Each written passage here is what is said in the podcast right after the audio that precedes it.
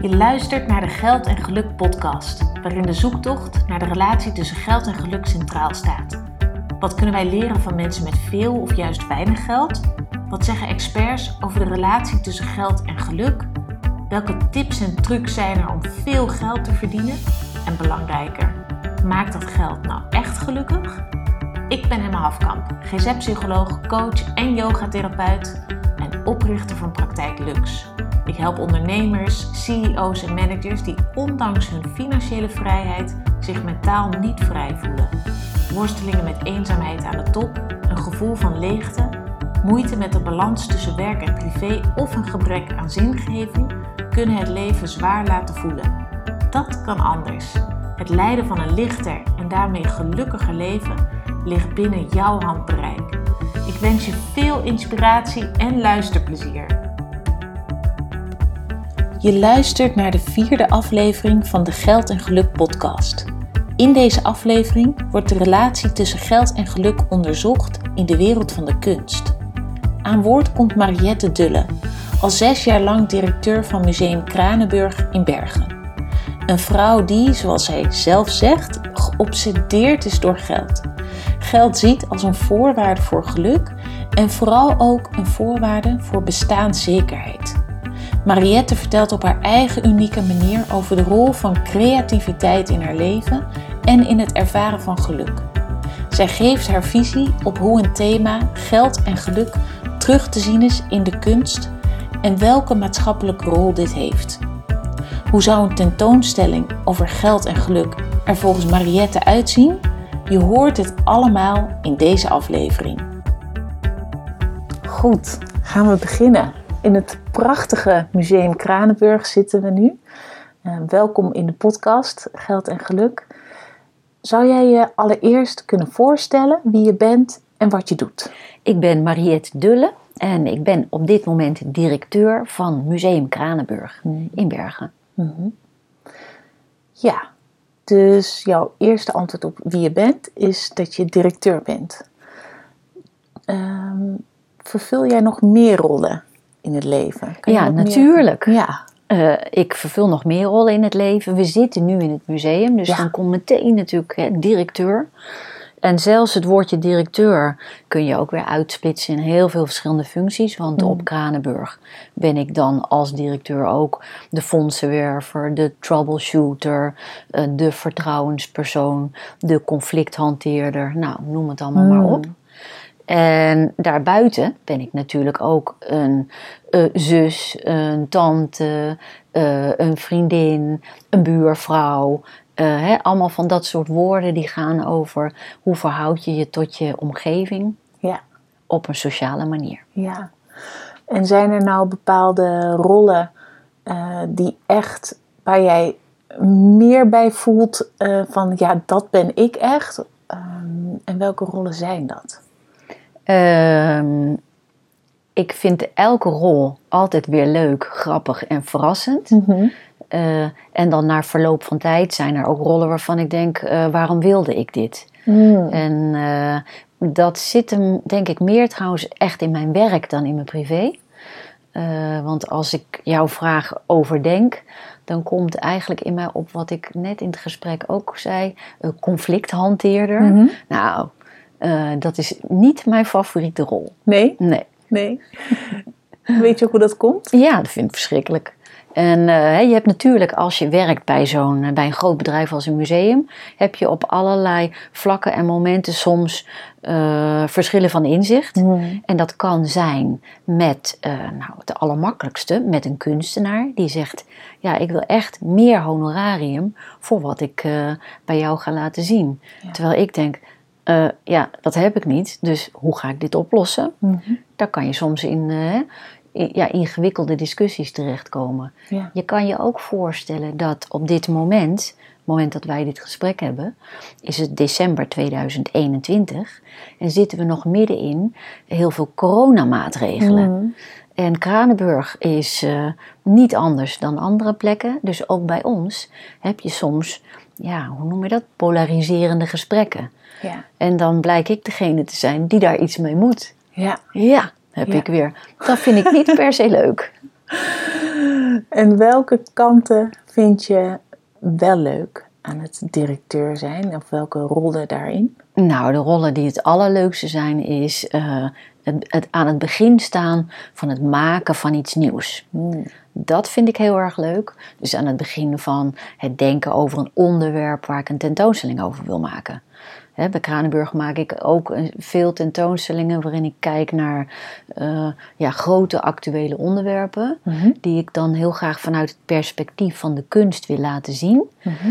En ja, dat is natuurlijk een heel leuk onderzoek, omdat je ja, aan de ene kant een beetje nadenkt over zo'n groot onderwerp.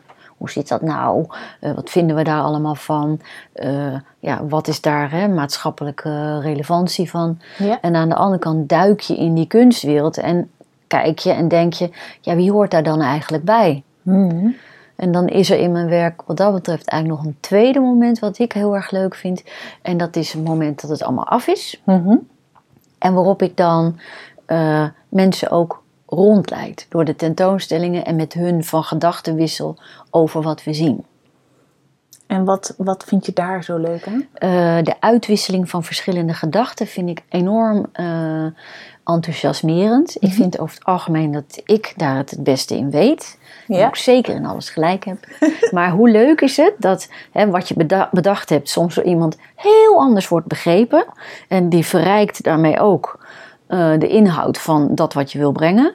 En het is natuurlijk heel leuk om uh, heel veel mensen enthousiast te maken over wat er te zien is. Ja, En daar word ik ook wel enthousiast van. Dus ik krijg daar heel veel energie van. ja, ja, mooi. Ja. Zou je wat kunnen vertellen over ehm, de weg naar het worden van een directeur van een museum toe? Hoe, hoe, hoe, ja, hoe ben je op die plek gekomen? Uh, ja, de weg, uh, dat is, ja, de weg die je aflegt door het leven Mhm. is nooit lineair. Ik heb nooit bedacht, ja, ik wil museumdirecteur Mhm. worden.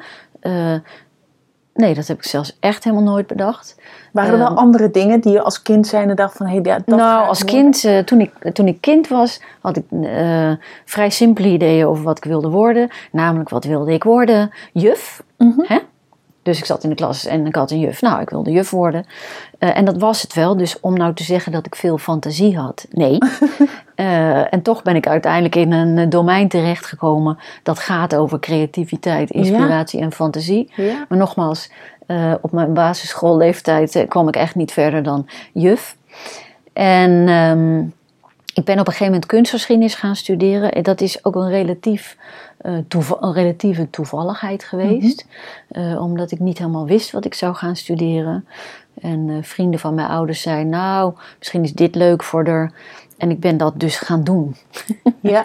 maar dat bleek eigenlijk, dus zonder vooropgezet doel, toch een schot in de roos te zijn. Want ik vond het heel erg leuk. Mm -hmm. En het bleek een plek te zijn waarin ik mijzelf als persoon ook heel erg kon ontwikkelen. Ja. Juist omdat dat wat je van de kunst vindt en weet, ligt niet altijd vast. Mm. Ja, aan de ene kant heb je de kunstgeschiedenis, maar heel veel van kunstgeschiedenis hangt ook samen met interpretatie, mm -hmm. uh, observatie, meningsvorming en opinie. En die kant ligt mij heel erg. En dat uh, past heel erg bij de plekken die ik, uh, waar ik in terecht kwam in de kunstwereld. Mm -hmm. uh, ik heb op allerlei plekken gewerkt. En ook op zekere momenten gedacht, ik wil weer eens wat anders. Mm -hmm. En keek dan altijd rond van, ja, wat is er voor mij? Waar kan ik op reageren? Waar kan ik op solliciteren? Ja. En, Want uh, hoe, hoe pak je zoiets aan? Je merkt dan op een gegeven moment dus, hé, hey, het is tijd voor wat anders. Ja. Is dat dan omdat het uh, dat de huidige baan niet meer uitdagend genoeg is of niet meer nieuw genoeg is? Of wat zorgt ervoor dat je je vizier open gaat zetten voor andere opties? Nou, in alle gevallen, iedere keer als ik wisselde, ging daaraan vooraf een periode van verveling. Mm -hmm. uh, behalve bij Kranenburg, want dit ga ik namelijk uitknippen. Daar heb ik me nooit verveeld. Nee, uh, ja, ging daaraan vooraf een moment, uh, in bijna alle gevallen waarin ik wisselde, ging daaraan vooraf een moment waarop ik dacht: hé, hey, uh, ik ben niet meer degene die de dingen mogelijk maakt, maar ik ben degene die de dingen tegenhoudt. Mm. Ik ben degene die zegt: heb ik al gedaan, lukte niet, gaan we niet doen. Ja. En eigenlijk is bij de baan die ik nu heb, is dat voor het eerst eigenlijk nog niet aan de orde. Hmm. Ik zit hier nu bijna zes jaar en er is nog iedere dag iets waarvan ik denk: oh my god, hoe ga ik dat doen? Ja. Hoe moeten we dat doen? En wat een spannende vooruitzichten. Ja. Dus uitdaging en nieuwigheid en verandering, dat zijn wel aspecten die jou trekken. Voor mij persoonlijk is dat heel belangrijk. Ja. ja. Ja. Iets wat, ik, wat mij het meest enthousiasmeert, is iets wat ik niet helemaal begrijp. Hmm. En wat, ja, en wat ik wel graag zou willen begrijpen. Ja. Ja. ja. En is dat dan ook hetgeen wat je dan elke keer zocht als je van plek ging wisselen? Ja, ik ben eh, toen ik begon te werken in de kunstsector, eh, dat is echt eind jaren tachtig geweest. Dat was niet te doen, want dit is in een periode geweest waar er heel weinig banen waren. Dus het heeft mij ook heel lang heel veel moeite gekost om werk te vinden. Ja. En ik ben ook echt een paar keer als het ware overnieuw begonnen. Mhm. En dat overnieuw beginnen was dus altijd weer op een andere, in een andere context. Wel binnen de kunst, maar de ene keer bij een heel groot tentoonstellingscentrum, dan bij een heel groot collectiecentrum, dan bij een heel klein kunstenaarsinitiatief en dan bij de gemeente Utrecht als coördinator kunstopdrachten. Daar ben ik langer gebleven. Dat heb ik doorontwikkeld. Mhm. Maar vanaf daar ben ik na een aantal jaren gegaan naar Rotterdam, waar ik artistiek leider werd van een hedendaagse kunstruimte. Dus ja, hè, liet ik die ervaring die ik in zo'n eh, overheidscontext had opgebouwd, eh, met grote opdrachten in de openbare ruimte, die, Ja. Die, ja, die schoof ik als het ware opzij. En ik begon weer opnieuw in een kunstruimte die zich moest verhouden tot jong publiek, jonge kunstenaars in een grote, ingewikkelde stad als Rotterdam. Ja, ja. En dat, dat overnieuw beginnen, of dat opnieuw beginnen, hoe ervaar je dat? Eh, ik, ik vind dat overnieuw of opnieuw beginnen buitengewoon leuk. En dat is, maar ik kijk nu terug, achteraf bij mij gaan horen. Hmm. En eh, hoe bewust dat is geweest, dat weet ik niet. Hè, als je terugkijkt kun je er altijd een heel mooi verhaal van maken. Mhm. Dat helemaal klopt. maar toch, als je er middenin zit, hangen veel dingen van toevalligheden aan elkaar. Ja. Eh, maar dat, eh, ik weet wel dat dat hè, overnieuw beginnen. eh, je zou kunnen zeggen, je ook de kans geeft om weer een andere kant van je eigen persoonlijkheid te onderzoeken. Hmm. Eh, en ik heb achteraf gezien vaak de indruk dat dat ook een motivatie is bij mij. Ja, Dat ik weer een ander iemand word. ja. Kan dat ook impliceren dat je soms verveeld kan raken met wie je bent? Geen idee. Maar ik dacht, ik geef bijvoorbeeld een voorbeeld eh, van mijn laatste overstap. Hè, van dat hedendaagse kunstruimte naar Museum Kranenburg. Eh, eh, heel biografisch is dat ik werkte daar met een jong publiek, met jonge kunstenaars. Het ging heel goed, allemaal fantastisch.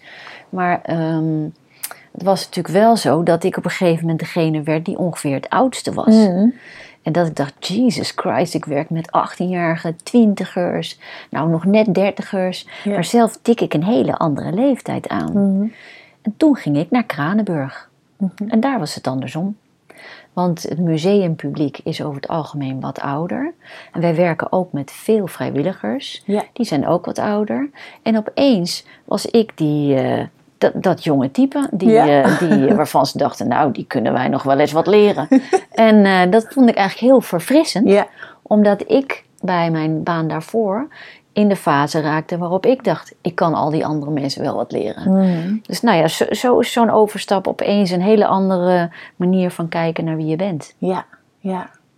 Hey, en, en deze podcast gaat natuurlijk over geld en geluk. Ja, Nou ben ik benieuwd eh, of al deze hè, overstappen naar verschillende settings, eh, wel altijd binnen natuurlijk de culturele sector, zover ik nu gehoord heb in ieder geval. Welke rol heeft geld daarin gespeeld voor jou? Eh, geld speelt naar mijn mening een belangrijke rol in mijn leven. Eh, omdat ik het altijd heel belangrijk heb gevonden om eh, zelfstandig in mijn onderhoud te kunnen voorzien, zoals dat heet. Eh, dus ja, ik heb altijd heel erg eh, gestreefd naar een vorm van bestaanszekerheid. En ik denk dat is voor mij heel belangrijk. Ik denk dat komt ook een beetje doordat met name onze vader ons dat altijd inpeperde. Mhm. Omdat hij relatief laat aan een vaste baan kwam. En dat heeft absoluut geen, heeft hem niet ongelukkig gemaakt, maar heeft wat financiële consequenties gehad. Dus hij heeft tegen ons altijd gezegd: zorg dat je een vaste baan krijgt. Juist. Terwijl bijvoorbeeld als je nu kijkt naar de mensen waarmee ik werk. Nou, de afgelopen jaren waren het alleen maar ZZP'ers. Mhm. Bijvoorbeeld freelancers. Mhm. Nou, dat is iets wat ik niet durf. Mhm. Weet je geef mij in godsnaam die vaste baan met dat contract. En dat ik weet, ik heb een pensioen, ik heb vakantiedagen en een, en een eh, eindejaarsuitkering. Ja. Ja. Daar word ik heel kalm van. Geeft dat een gevoel van zekerheid of controle? Het geeft mij de zekerheid dat ik heel avontuurlijk kan zijn in de inhoud. Omdat ik mijn bestaanszekerheid geregeld heb. Ja. Ja. Zo, zo interpreteer ik het zelf. Ja, ja. Want wat betekent geld voor jou verder naast dat het je bestaanszekerheid geeft? Nou, op mijn privévlak dat. En, het, en ook de mogelijkheid om eh, eh, dat ook wel met anderen te kunnen delen. Op het vlak van het werk is geld natuurlijk eh, zeer, zeer belangrijk. Want het is voorwaardelijk om alles, ja, het programma te kunnen doen wat ik laat zien. Mhm. En in de kunstsector eh, zijn de dromen groot en de dadendrang ook groot Mhm. en de budgetten klein. Ja. Dus het is eigenlijk, hè, zeker bij zo'n museum als Kranenburg, een dagelijkse struggle om te zorgen hoe je eh, dat waarvan je weet dat je het publiek helemaal ja, in vervoering kan brengen, Mhm. hoe je dat gefinancierd krijgt. Mhm. Ja, en hoe ga je met die struggle om? Vind ik heel zwaar. En, eh, en dat is ook altijd een, is ook een ingewikkelde struggle. Want eh, ik moet hè, subsidies aanvragen of zorgen dat we voldoende commerciële eh, activiteiten ontwikkelen. Of zorgen dat we voldoende publiek binnenkrijgen. En ik geloof daarin en ik zet me daarvoor in. En ik weet ook dat maatschappelijk en politiek daar soms anders tegen aangekeken wordt. Hè, En dat er wordt gezegd, ja, maar kunst is franje. En ja, zorg alsjeblieft dat je jezelf bedruipt en ga geen subsidies aanvragen. Of zie het niet als publieke voorziening. En, eh, dus het is soms ook een ideologische strijd die gaat over, nou ja, kunst en cultuur is echt onderdeel van de, ja, de maatschappelijke schijf van vijf. Ja. En wat moet je allemaal hebben om je maatschappij gezond te houden? Nou, daar hoort kunst en cultuur bij. Dus moet het ook ja, gefinancierd worden vanuit andere bronnen dan alleen maar mensen die een kaartje kopen. Ja, ja. En hè, dus, dus ik hoor je en zeggen dat de meningen erover verdeeld zijn. Ja. Hè, wat de waarde van kunst is voor de maatschappij. En of daar dus automatisch financiering eh, voor hoort te zijn. Maar ik hoor je ook zeggen dat eh, de dromen vaak veel groter zijn dan het aanwezige geld. Ehm, wat doet dat met hoe je tegen geld aankijkt? Want het lijkt dan alsof er, of dat is waarschijnlijk ook zo, vaak tekort aan geld is. Maakt dat eh, je perspectief op geld dan ook dat dat negatief is? Of dat dat... Nee, ik zou zeggen, ik Nee? ben geobsedeerd door geld. Mm. Kom maar door. nee, ik denk dat eh, als je kijkt naar hè, voor zo'n not-for-profit instelling als een museum, eh, ja, zijn we altijd aan het kijken hoe kunnen we de projecten die we willen doen gefinancierd krijgen. Ja. En, en jij zei net iets heel moois, maar ik weet niet of ik dat nou goed kan herhalen. Je gebruikt het woord waarde. Mhm, En inderdaad, ik vind kunst is van waarde. mhm. En eh, ja, wat is de prijs die eh, eh, ja, daar ook mee samenhangt? Ja. En de waarde van kunst, ja, daar wil ik mij heel erg voor inzetten. Maar dat betekent dat ik altijd, altijd wel bezig ben naar hoe krijg ik dat gefinancierd. Mm. Ja, En Ja. ik denk ook, eh, maar dan gaat het echt over wat houdt zo'n baan in. Een museumdirecteur is meer bezig met geld zoeken dan je zou denken. Mm. Hè, je zou denken, ik hield net een heel mooi betoog over die geweldige kunstenaar, zo mee ik dan fantastische gesprekken voor. Is ook zo. ja, En toch is het zo dat ik heel veel bezig ben met eh, financiering vinden. ja, ja. Hoe pak je dat aan, het vinden van financiering? Hoe pak ik het vinden van financiering aan? Nou, op allerlei manieren. Ehm, ik hoop dat dit niet te veel een beleidsverhaal wordt. Hmm. Want ik denk dan na over dat soort dingen als structurele, duurzame financiering Mhm. met vaste componenten. Nou, kent u dat soort woorden? En, eh, en dat betekent dat ik dan echt kijk naar hoe zorg ik dat ik bijvoorbeeld begunstigers werf die meerdere jaren met ons meeleven. Hoe zorg ik dat ik onze lokale overheid, dat wij van waarde voor die overheid zijn, zodat ze zeggen, nou, meerdere jaren willen wij deze instelling eh, eh, bij ons houden. Ja. En, dan, en dat is heel veel investeren, ook in een goede relatie hebben en elkaar goed begrijpen. Daarnaast eh, vraag ik ook voor projecten subsidies aan. Dus dan schrijf je plannen die je motiveert. Die schrijf je aan fondsen. Nou, dan ga je een paar maanden eh, kaarsjes branden in de kerk en dan hoop je dat het gehonoreerd wordt. Ehm, dus heel praktisch is het dat soort dingen. Ja. En het is ook heel veel investeren in ja, mensen waarvan je weet, die wil je echt verbinden aan je museum. Dus daar wil je ook een goede relatie mee. En zij zijn bereid om dat museum dan met financiën te steunen. Ja, ja.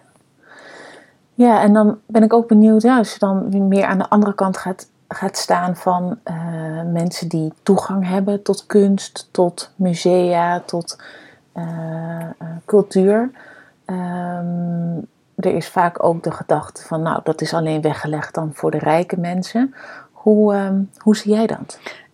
Ik denk dat. ehm, eh, ik denk dat het ontzettend belangrijk is dat een museum een plek is die van iedereen is, voor iedereen is. En die, eh, ik hoop niet dat ik al te stichtend klink, maar echt een maatschappelijke rol heeft. En ik zie die maatschappelijke rol als van eh, het biedt inspiratie en het zet je creatieve vermogens aan. En ik vind, hè, als jij toegang hebt tot je creatieve vermogens, dat maakt je een, eh, kan je een ja, groter levensgeluk bieden of maak je een beter mens. Maar hoe doe je dat? Hè? Want ik kan wel dat vinden, maar hoe zorg ik dat de wereld om ons heen dat ook vindt? Ja. En eh, nou, dat, dat vind ik echt nog heel erg hard werken omdat ik denk dat eh, als je kijkt naar hoe er nu tegen musea aangekeken wordt, dan zie je heus wel dat de meeste mensen denken: oh, het is iets eh, voor vrije tijd voor een specifieke groep. En ik denk dat ik ook echt de verantwoordelijkheid heb om beleid te maken. Dat doen we ook. Hè? Dat we Mhm. doen heel veel activiteiten met eh, jongeren en scholieren om hun eh, te, te laten zien: het museum is ook echt van jou. Ja. En bijvoorbeeld, we hebben nu ook een tentoonstelling in het museum die gemaakt is door scholieren. Mhm. Eh, maar ook van die simpele dingen als dat er in het museum alle leeftijden werken. Niet alleen oudere vrijwilligers, of laat ik zeggen, niet alleen vrijwilligers, die soms ouder zijn, maar ook jongeren die we eh, betaald werkervaring laten opdoen. Maar er is nog best een wereld te winnen, maar dat gaat ook weer over welke plek ehm, kan zo'n museum nou innemen in de gemeenschap. Ja. En dat gaat ook over een gemeente, een overheid die Mhm. zegt, ja, eh, kunst, cultuur is onderdeel van die maatschappelijke schijf van vijf. Ja. En dat vind ik, eh, nou ja, dat is iets wat ik zelf heel belangrijk vind. Ja. Eh, dat je ook bijvoorbeeld werkt met kunstenaars die dat representeren. Hè, kunst, we hebben hier een, een tentoonstelling gehad van Iris Kensmil. Surinaams-Nederlandse kunstenaar, die heel erg eh, die prachtige portretten maakt van wat zij haar helden noemt. Dat zijn allemaal zwarte vrouwen. En nou, dat is heel gezond om dat eens een keer te bekijken. Het is ook heel gezond voor het publiek, weet je wel. En nou, daar, komen we, daar hebben we het dan ook allemaal over. Eh, en dat duwt hopelijk ook weer zo'n deurtje open naar wat jij zegt, dat je als museum zeker nooit ongelijkheid moet bevorderen. Je wilt de diversiteit bevorderen. Ja. je wilt ja, iedereen zichtbaar maken. Ja, mooi hoe je dat beschrijft. Hoe het dus eh, en zit gewoon in beleid, hè, hoe je daarmee bezig kan zijn, maar ook echt in de inhoud van de Ja. kunst en wat je laat zien. En ehm, ik ben wel benieuwd wat jij als thema geld en geluk, hoe jij dat terugziet inhoudelijk in, in kunst. Eh, thema geld en geluk als je stel, hè? Ik, ik maak vaak tentoonstellingen over grote onderwerpen, grote actuele onderwerpen. En stel, ik zou, eh, is nadenken over de waarde van geld in de huidige maatschappij. Best intrigerend natuurlijk. Mhm. Denk bijvoorbeeld aan bitcoin, weet je wel. Dat je opeens Ja. denkt, oh, waar dan sommige mensen nu schat hemeltje rijk van worden. Ja. En de anderen helemaal mee teloor gaan. Eh, dat is natuurlijk een onderwerp waar veel kunstenaars eh, ook echt werk over maken. Ik heb eh, al heel lang geleden ooit een tentoonstelling gemaakt, een groepstentoonstelling, die heette The Value of Nothing. En dat is een hele beroemde uitspraak van volgens mij Oscar Wilde. Mm. En die heet People know the price of everything but the value of nothing. Het gaat weer over prijs en waarde. Ja. Weet je wel? En eh, het zou je verbazen hoeveel kunstenaars echt letterlijk werk maken over geld. Mm. En, eh, en soms ook doordat ze eh, kunst maken. Eh, een goed voorbeeld daarvan is volgens mij de beeldhouwer Jozef Klibanski. Die dan werk maakt wat letterlijk heel duur is. Doordat hij er diamanten in verwerkt. Mhm. En je daardoor ook hè, ja, laat nadenken over de waarde van een kunstwerk. Ja.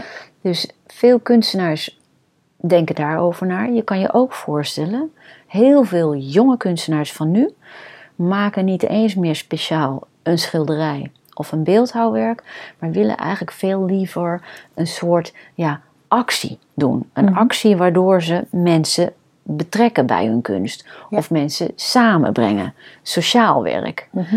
En dat werk is van grote sociaal-maatschappelijke waarde, maar is misschien op het niveau van geld stelt het geen bal voor. Want het gebeurt een keer en dan is het weer weg. Ja. Eh, dus ik denk dat kunstenaars daar als thema heel vaak over nadenken. Mm. En als je dan inderdaad hè, een, eh, na zou denken over een tentoonstelling over dit thema, ben je dan ook bezig met wat voor boodschap je aan de bezoekers wil meegeven? Of dat je hoopt van, nou ja, als ze deze les uit deze tentoonstelling halen en daarmee naar buiten lopen, dan, dan ben ik tevreden.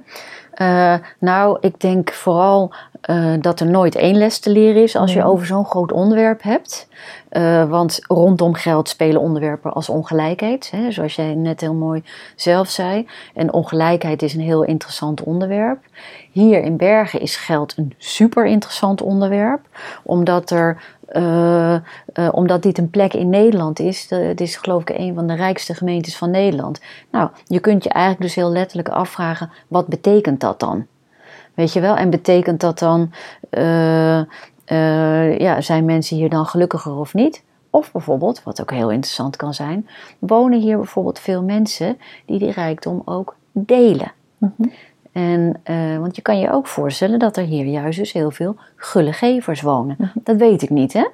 Maar dat soort vragen zou ik best interessant vinden om te onderzoeken. Dus uiteindelijk, wat mij er het meest in fascineert, is die, ehm, eh, die, die moeilijke verhouding tussen waarde en prijs. Ja, Eh, dat vind ik, dat intrigeert mij er het meeste in. ja. Ik zou ook bijvoorbeeld, ja, ik hou nu al niet meer op, dus dit schiet niet op, dit gesprek. Maar meteen Rutger Bregman willen uitnodigen met zijn basisloon. Nou, dat vind ik meteen al grappig. Ja. Eh, er zijn ehm, in de kunstwereld ehm, speelt een hele grote discussie.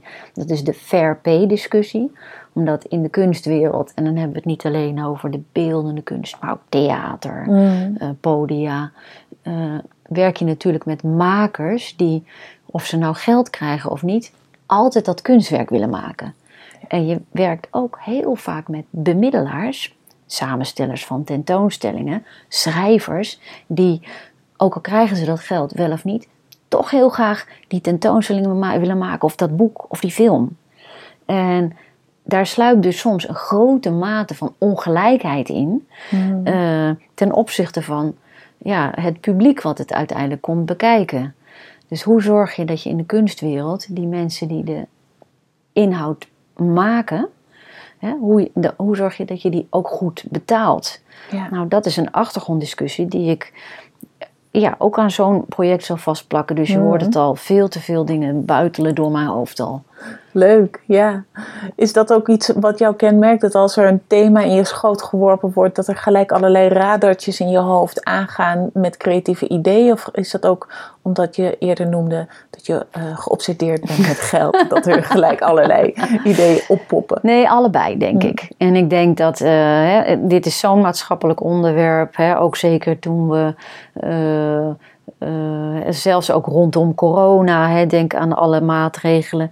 Hè, dat opeens iedereen naar de overheid kijkt om uh, ons overeind te houden. Mm -hmm. Terwijl je ook juist uh, voordat dit alles gebeurde, steeds het verhaal hoorde: de markt, de markt, de markt moet het bepalen. Mm -hmm. En de overheid moet zich verder terugtrekken. Kortom.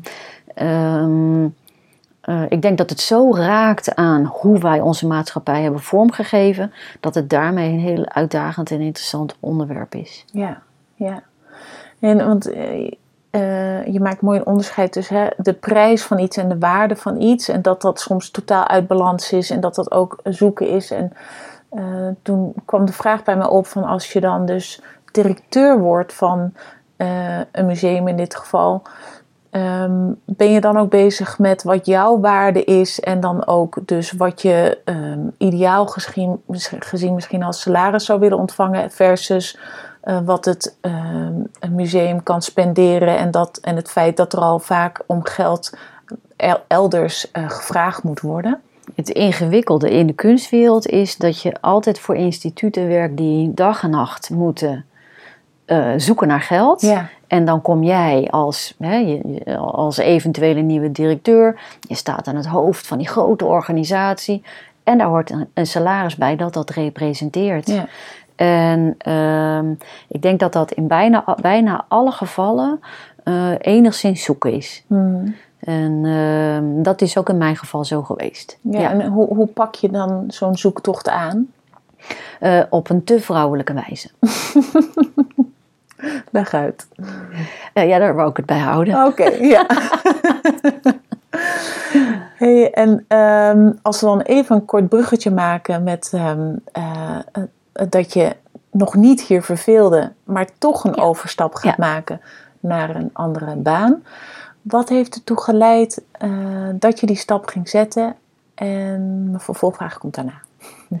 Ja, dus meestal, uh, uh, of meestal, ik ga nu overdrijven, maar meestal als ik, als ik denk, hm, het gaat kriebelen, dan komt dat doordat ik weet, hè, ik, heb, ik, heb, ja, ik verveel me een beetje. Of in ieder geval, ik, ik moet eens iets anders doen wat ik ingewikkeld en moeilijk vind. Ja.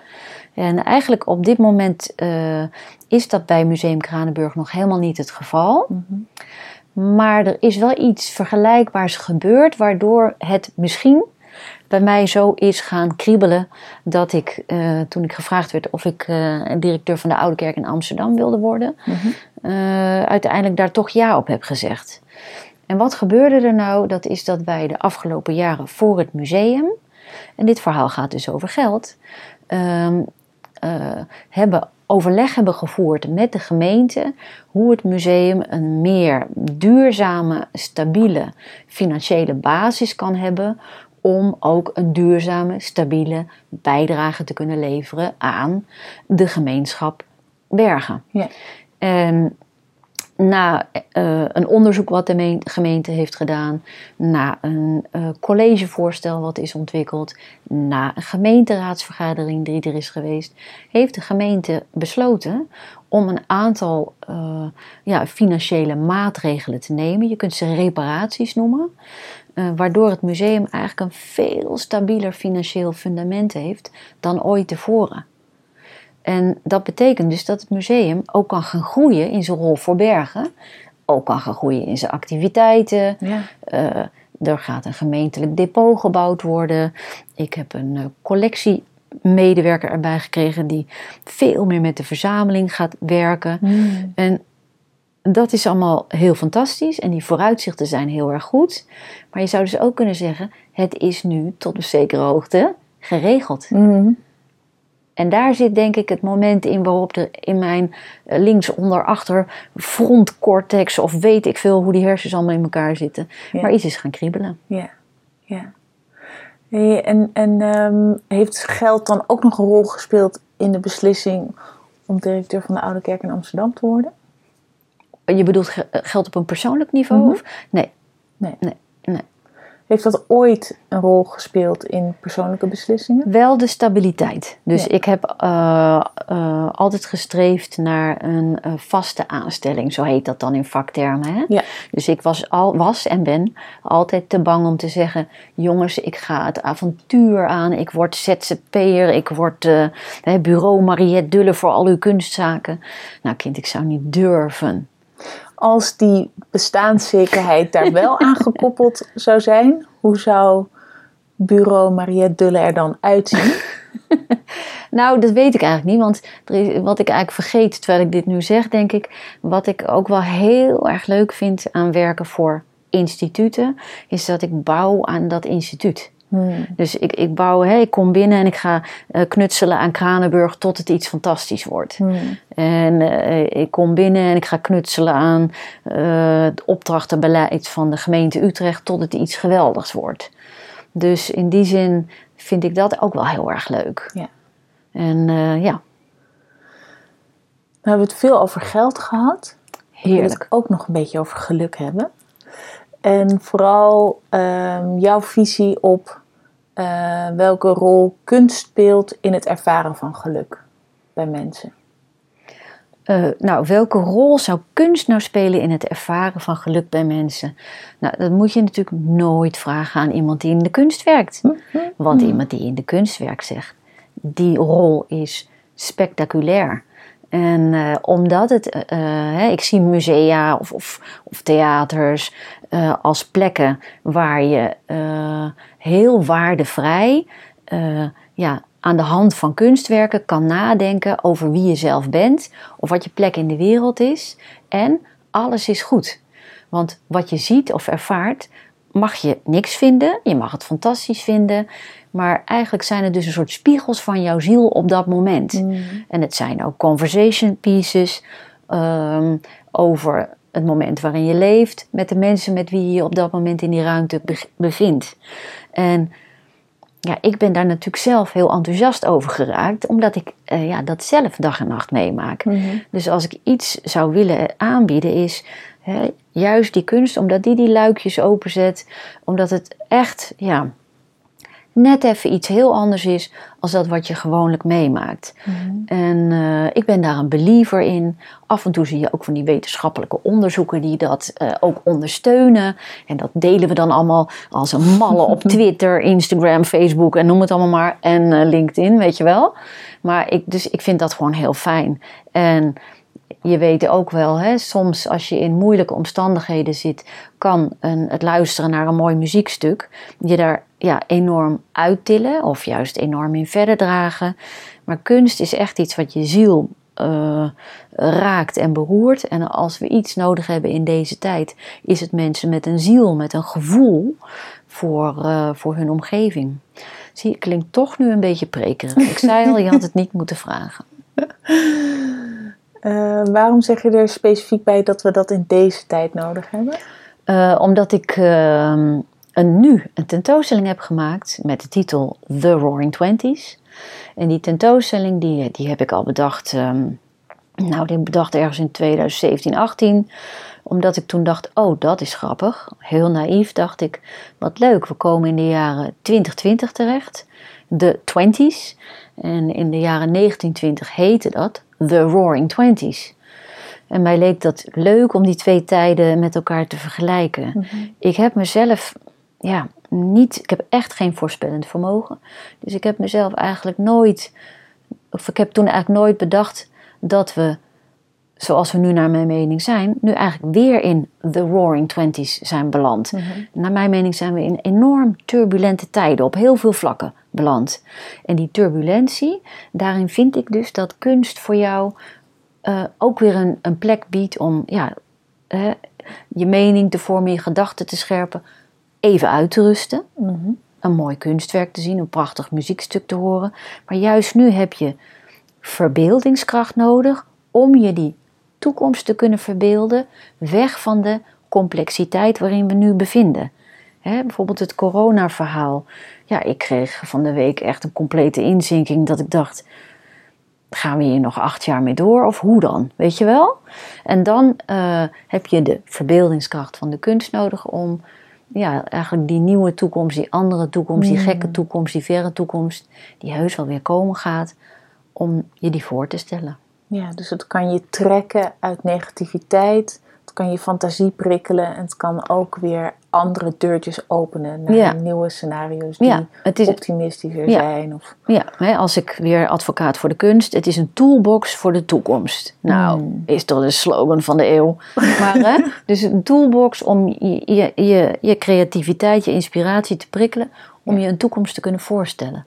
En om daar je dan naartoe te bewegen. ja, mooi. Ja. Wat is nou een van de meest gelukkige momenten in jouw leven geweest tot nu toe?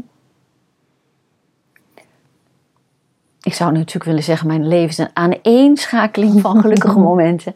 Eh, ik kan eigenlijk, dat, dit is best een moeilijke vraag. Want zoals jij hem nu stelt, eh, zou ik niet zo kunnen zeggen van, eh, oh, dat, dat, dat, dat of dat. Hè, vanochtend was ik heel gelukkig toen ik twee speculaasjes bij de koffie nam. Want ja, heerlijk. En eigenlijk heb ik nu ook ontzettend zin in een banketstaaf bijvoorbeeld. Het is namelijk december. Dus... Ehm, dus geluksmomentjes eh, heb ik op de dag wel. En trouwens vind ik vaak ook belangrijk eh, om mezelf te realiseren. Hè? Waar word ik blij van op een dag of Mhm. waar word ik blij van in de week? Ehm, Is dat iets wat je van nature hebt of heb je dat getraind? Dat je aandacht hebt voor die geluksmomentjes? nou, dat heb ik getraind. Want Mhm. dat zijn altijd van die dingen die je dan af en toe eh, in van die zelfhelpboekjes of zo Mhm. leest. Of eh, eh, waar dan vriendinnen mee aankomen die abonnementen hebben op bepaalde tijdschriften. Weet je wel, ze heten misschien de Happiness. En, ehm, en dan moet je dat oefenen. Maar er zit ook wel wat in. Ja, Weet je wel, dat je, hè, count your blessings, ook zo'n eh, ding, dat je echt moet. Eh, en mij helpt het dus ook, hè? Dus ook al, als de tijden soms heel zwaar zijn, want dat zijn ze heus wel, eh, dat ik echt even bedenk: oké, oké, het is allemaal heel erg shit, maar is er één ding wat je leuk vond vandaag? Hmm, Of één ding wat je leuk vond gisteren? die vraag stel je dan aan jezelf. Ja, en ik stel ook altijd de vraag aan mijzelf: eh, waar verheug je je op?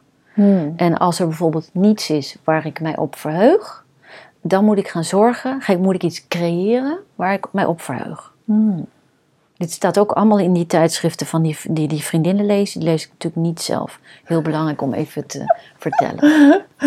Wel heel fijn dat ze de boodschap aan jou doorgeven. Ja, het zijn wel hele Ja. goede vriendinnen Ja. dan. Ja. Ja.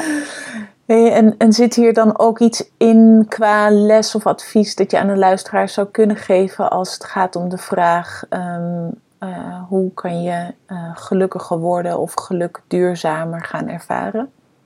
Eh, nou, ik denk nogmaals, het woord les, daar krijg ik al pukkels van. Dus dat nee, dat, ik hou daar niet van. En ik vind meer van als je jezelf wil ontwikkelen of jezelf beter wil leren kennen of het leuk wil hebben met jezelf, dan, dan zijn sommige dingen, sommige dingen zijn makkelijker dan dat ze lijken. Hè, en, het, en het beruchte schrijf eens op wat je leuk vindt of schrijf eens op wat je, wat je leuk zou willen vinden in de toekomst. Ja, kan soms heel, eh, heel handig daarin zijn. Zijn er ook andere dingen die jij ehm, kan bedenken die jij in je eigen leven toepast om jezelf weer terug te halen naar het optimistische of het positieve? Eh, ja, in mijn geval is dat gewoon altijd toch, ja, wat is dat? Ja, ik weet niet. Nou, zeg maar eh, ehm, op zaterdagochtend in de stad koffie en croissants bij een eh, koffietentje gaan drinken met eh, leuke mensen. Zoiets, ja. Dus dat valt volgens mij onder de afdeling klein geluk. Ja, ook zoiets. dus ik ben denk ik iemand die... als je nou, je vroeg me van, nou ja, wat waren nou je gelukkigste momenten? Ik denk als ik mijzelf zou beschrijven, ben ik echt een eh, klein gelukstype. Hmm. Dus die grote geluksmomenten zullen er vast wel zijn, maar dat heb ik niet zo sterk. Weet je wel, van Halleluja, Maria Callas, weet ik het wat, opera, eh, in gezang uitbarsten. Ik ben echt meer die type van ehm, het, echt het kleine geluk. Ja. Ja. ja. Eh, en ehm, welke rol speelt geld voor jou in het ervaren van dat kleine geluk? Ehm, welke rol geld speelt in het ervaren van kleine, klein geluk is een mogelijkmaker. Mm. Dus waarom hou ik van geld, dames en heren? Ik hou van geld omdat het voor mij de mogelijkmaker is. Het stelt mij in staat om op zaterdagochtend koffie te gaan drinken met eh pain chocola of croissants in een koffietentje vlak bij Ja. mijn huis. Ja. Of het stelt mij in staat om eh, eh, naar de bioscoop te gaan. Of het stelt mij in sta- in staat om met vrienden uit eten gaan, te gaan als er geen coronamaatregelen zijn. Het stelt mij in staat om in een leuk huis te wonen met centrale verwarming. Niet onbelangrijk, centrale verwarming. Eh, dus ik zie het echt als een mogelijkmaker. Dus in die zin ken ik geld een belangrijke waarde toe. Want het is dus voor mij eigenlijk de basisvoorwaarde om het leven te kunnen leiden waar ik me goed bij voel. Zou je dan zeggen, geld maakt gelukkig? Ehm, eh, nou, het antwoord hierop is natuurlijk de klassieker. Het klassieke antwoord op de vraag: eh, is geld, maakt geld gelukkig? Is natuurlijk nee. En het klassieke komma erachter is: eh, maar het helpt wel.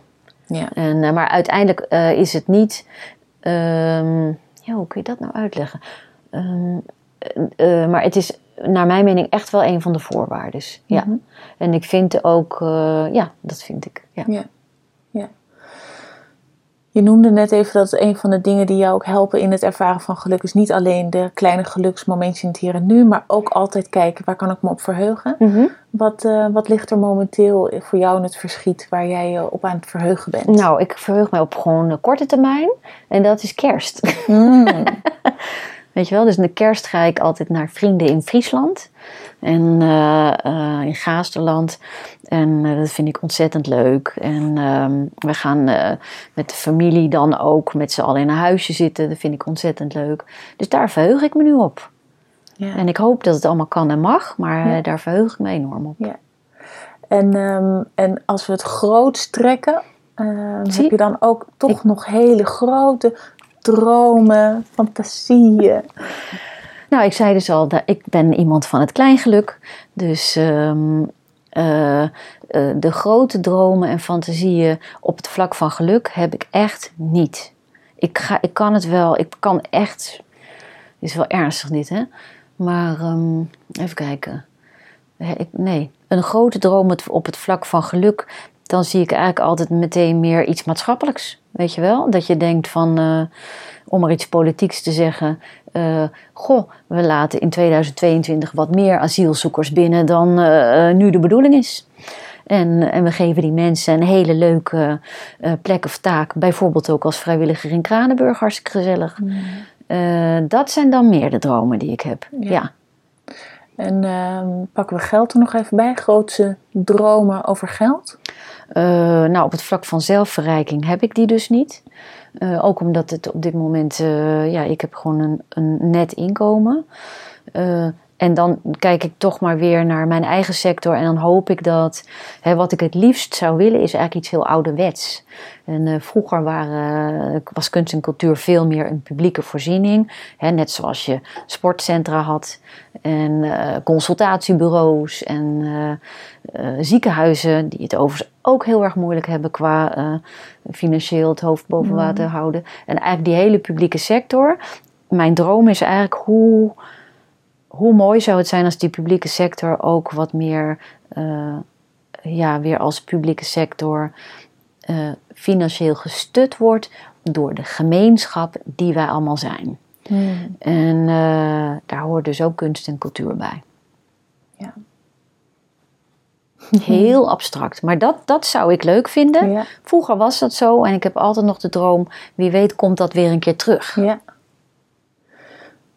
Zijn daar specifieke dingen voor nodig om dat terug te krijgen?